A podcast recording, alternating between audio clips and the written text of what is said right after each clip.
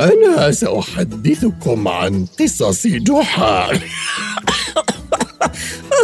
لا لا تسرحت يا شلهوب. أحتاج لأن أجمع أفكاري. أنا شلهوب. شلهوب حمار جحا. أتعرفون جحا؟ وحكيم الحمقى وأحمق الحكماء. قصصه لا تخلو من الذكاء والحكمة وفي بعض الأحيان من الحماقة. ولكن من أين أبدأ؟ أوه تذكرت واحدة. هذه قصة جامع ضرائب. وكيف أنقذ جحا وظيفته؟ برغيف خبز شهي. في يوم من أيام الربيع الجميلة كنت أنا وجحا نقطف الكرز في الحقل. وإذا برجل يمتطي حصانا يتجه إلينا من بعيد.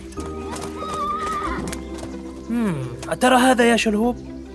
ربما يكون ساعي البريد وكان فعلا ساعي البريد والأغرب أنه كان جعفر بن جارنا الشاب الذي لم أعلم أنه أصبح يعمل ساعي بريد القرية لم يعجبني جعفر لأنه عندما كان صغيرا كان دائما يسرق مني تفاح لذيذ ولا يدعني آكله ماذا يريد منا؟ أجعل يأخذ الكرز؟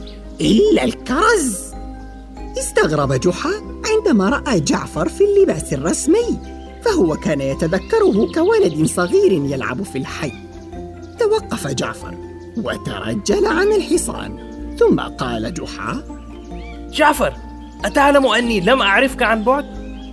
أما أنا فعرفتك مباشرة يا لص التفاح. إياك أن تلمس الكرز. فابتسم جعفر بخجل وقال أه نعم يا جحا تقدمت لوظيفة ساعي البريد وتم قبولي. اليوم هو أول أيام عملي. ثم التفت إلي هذا المخادع وقال مرحبا شلهوب هل افتقدتني؟ بل تمنيت ألا أراك مجددا يا عدوي اللدود. إلا الكرز. لا تقلق يا بني فالتسامح والصبر من الصفات التي أحبها في شلهوب. ضحك الإثنان وبارك جحا لجعفر. على الوظيفة الجديدة. فقد بلغ الولد الشقي رشده ليصبح شابا وسيما ذا طموح. سأحرص فقط على متابعة يديه. ثم فتح جعفر حقيبة البريد وأخرج منها رسالة لجحا. تردد جعفر وهو يعطي جحا الرسالة حيث قد انتبه إلى ختم عمدة القرية عليه. فقال الشاب جحا لدي رسالة لك تبدو كأنها من أبو قاسم. عبس جحا وأخذ الرسالة من جعفر وهو مستاء. كان أبو قاسم عمدة القرية وكان رجلا شرسا عصبي المزاج وسريع الغضب. لم يكن أحد يحبه في القرية. كان كل مرة يغضب بها يفرض عقوبات تافهة وسخيفة جدا على المخالفين. على سبيل المثال ذات مرة أتى سرب من الطيور وأكل بعضا من محصول التفاح في حقله. فأمر مزارعه أن يقف مكان الفزاعة في منتصف البستان لمدة يوم كامل لإخافة الطيور لأنه ألقى اللوم على المزارع أنه لم ينتبه للطيور. فتح جحا الرسالة وقرأها بسرعة وبعد أن انتهى تنهد وقال آه، أبو قاسم يريدني أن أكون جامع ضرائب الحمد لله أنه لا يبحث عن فزاعة جديدة لمزرعته ولكن لا أفهم لماذا يريدني أنا لهذه الوظيفة؟ لابد أن هناك من لديه خبرة أكثر مني في جمع الضرائب ألم تسمع ما حصل؟ هززنا رأسنا أنا وجحا ما الذي حصل يا ترى؟ من بضعة أيام بعث العمدة رسالة إلى جامع الضرائب القديم ليأتي عنده ويقدم تقرير حسابات الضرائب الشهري. ولكن كان أبو صلاح جامع الضرائب رجلا كبيرا في السن وبدت عليه علامات السهو والنسيان. فبعد أن قرأ أبو قاسم التقرير انتبه لوجود بعض الأخطاء والحسابات الخاطئة فيه. فاستشاط غضبا من جامع الضرائب وصاح به أمام جميع الحضور أنت مفصول! لا بل أسوأ! سأعاقبك على غلطتك يا أبو صلاح. يبدو أن جعفر ليس سارق تفاح فقط بل أصبح يسرق الأضواء أيضا. أنا الذي يسرد القصص. ولكن دعني أستمع فتبدو القصة مشوقة. ولكن سأستمع بعدم الرضا. وقال أبو قاسم آمرك أن تأكل كل أوراق التقرير الذي سلمته لي. كما ترى. هذه العقوبة غير منطقية ولا غرض منها إلا القسوة والإذلال. أوه بدأ يصيبني ألم في معدتي عندما سمعت ما حدث للرجل العجوز. فأتذكر ذات مرة أنني أكلت بعضا من جرائد جحا المخبأة في المخزن وبقيت يومين في الحظيرة. لا أستطيع أن أتحرك من شدة الألم. آه. بدأ الرجل يتوسل إلى العمدة يطلب الرحمة ودعمه بعض الحاضرين بالطلب من أبو قاسم بإعادة التفكير. ولكن العمدة استشاط غضبا وبدأ يصيح ويهدد جميع الحاشية وقال لأبو صلاح إما أن تأكل التقرير أو ترمى في السجن لباقي أيامك. فخوفا من السجن وعلما بأن لا خيار له إلا أكل دفتر الحسابات بدأ الرجل العجوز بتنفيذ الأمر وأكل أوراق تقرير الحسابات ورقة تلو الأخرى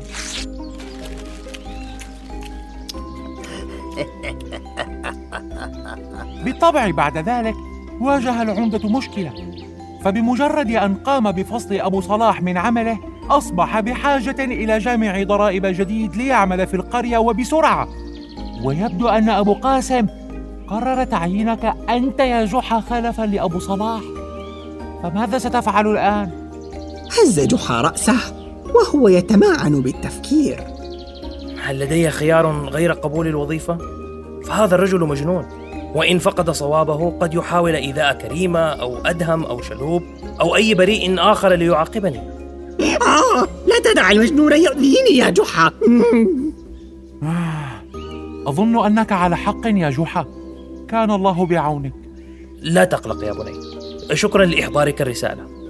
ثم غادر جعفر ليكمل جولته في توزيع البريد بينما ذهب جحا إلى العمدة ليعرف ما عليه فعله في جمع الضرائب.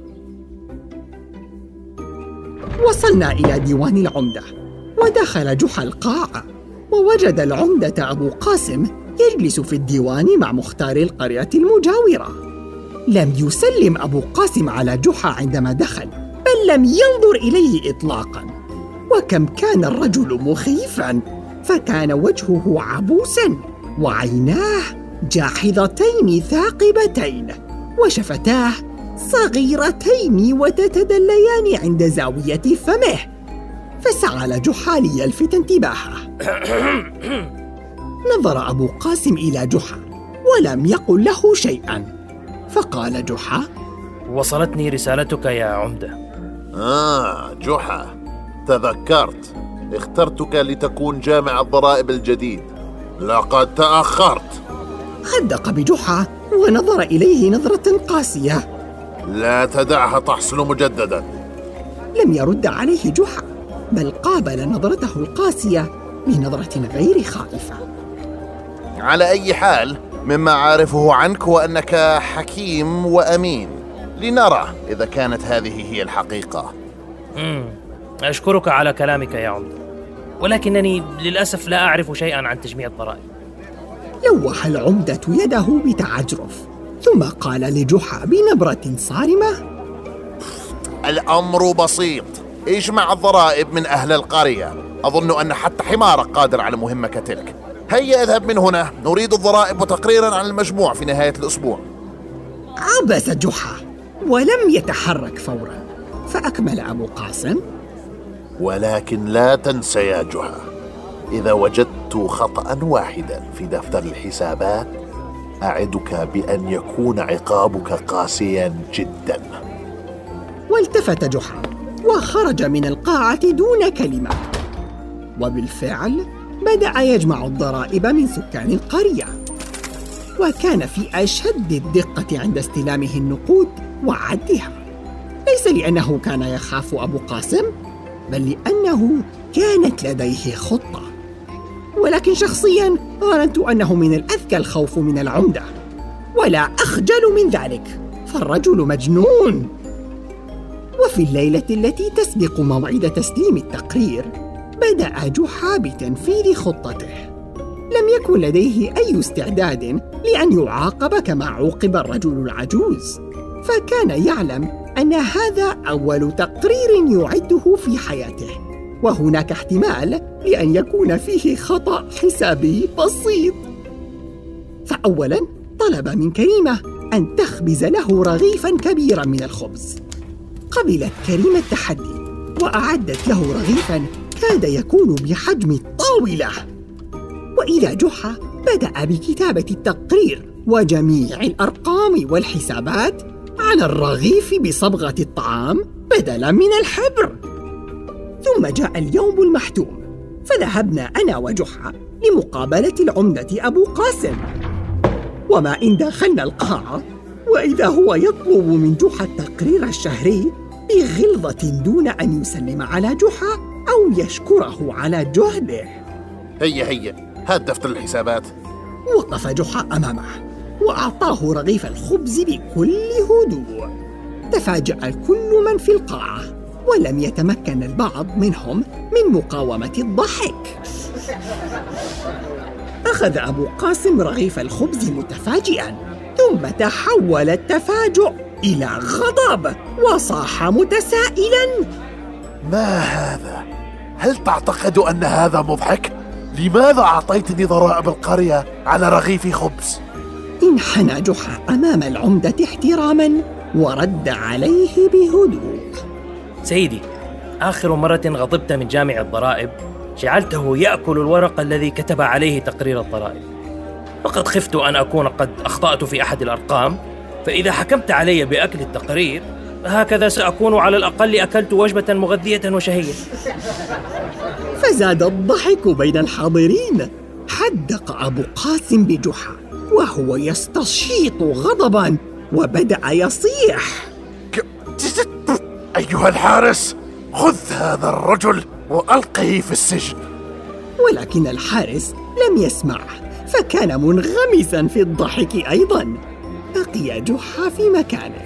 وقال لأبو قاسم بوقار وحزم يبدو أنك ارتكبت خطأ كبيرا في تعييني أيها العمدة فماذا ستفعل عندما يتعفن الخبز؟ وازداد الضحك في القاعة وصرخ أبو قاسم دون جدوى وابتسم جحا ابتسامة راضية فقد رأى ما رأيته أنا ولم أصدق عيوني هل بدأ أبو قاسم يشعر بالحرج؟ فتمتم. اسكتوا اسكتوا. ولكن الضحك لم يتوقف. فأخذ جحا خطوة باتجاهه وقال برأيي أيها العمدة عليك أن تعيد تعيين أبو صلاح. فأنا حالة ميؤوس منها ولكن الخيار لك بالطبع. فأنا سعيد بأن آتيك كل شهر وآكل التقارير. وسأحرص على ألا أتغدى قبلك وضحكت الحاشية أكثر وأكثر واحمر وجه أبو قاسم الذي علم أنه انهزم فقال وهو يتمتم أنت مفصول! أخرج من قاعتي! فانحنى جحا مرة أخرى ثم التفت وخرج من القاعة حاملا رأسه بفخر وبالفعل بعدها ذهب أبو قاسم إلى جامع الضرائب السابق وطلب منه الرجوع ولكن العجوز لم يقبل أن يرجع إلا على شرطين أن يعتذر له أبو قاسم وأن يعد العمدة بأن لا يكرر عقوباته العشوائية والقاسية على أحد مرة أخرى. وبعد الذي حصل مع جحا لم يرد العمدة أن يشعر كما شعر في ذلك اليوم مجددا أبدا. فقبل بالشرطين واعتذر ووعده. ومن ذلك اليوم تغير العمدة حقا فكان كلما أوشك على فقدان أعصابه ينظر حوله إلى الحاشية ويتذكر هذا الموقف. فالمتنمر دائما يخاف أن تنقلب النكتة عليه وهذا أمر لا بد أن يحصل لأن التنمر لا يأتي إلا بالنتائج السلبية.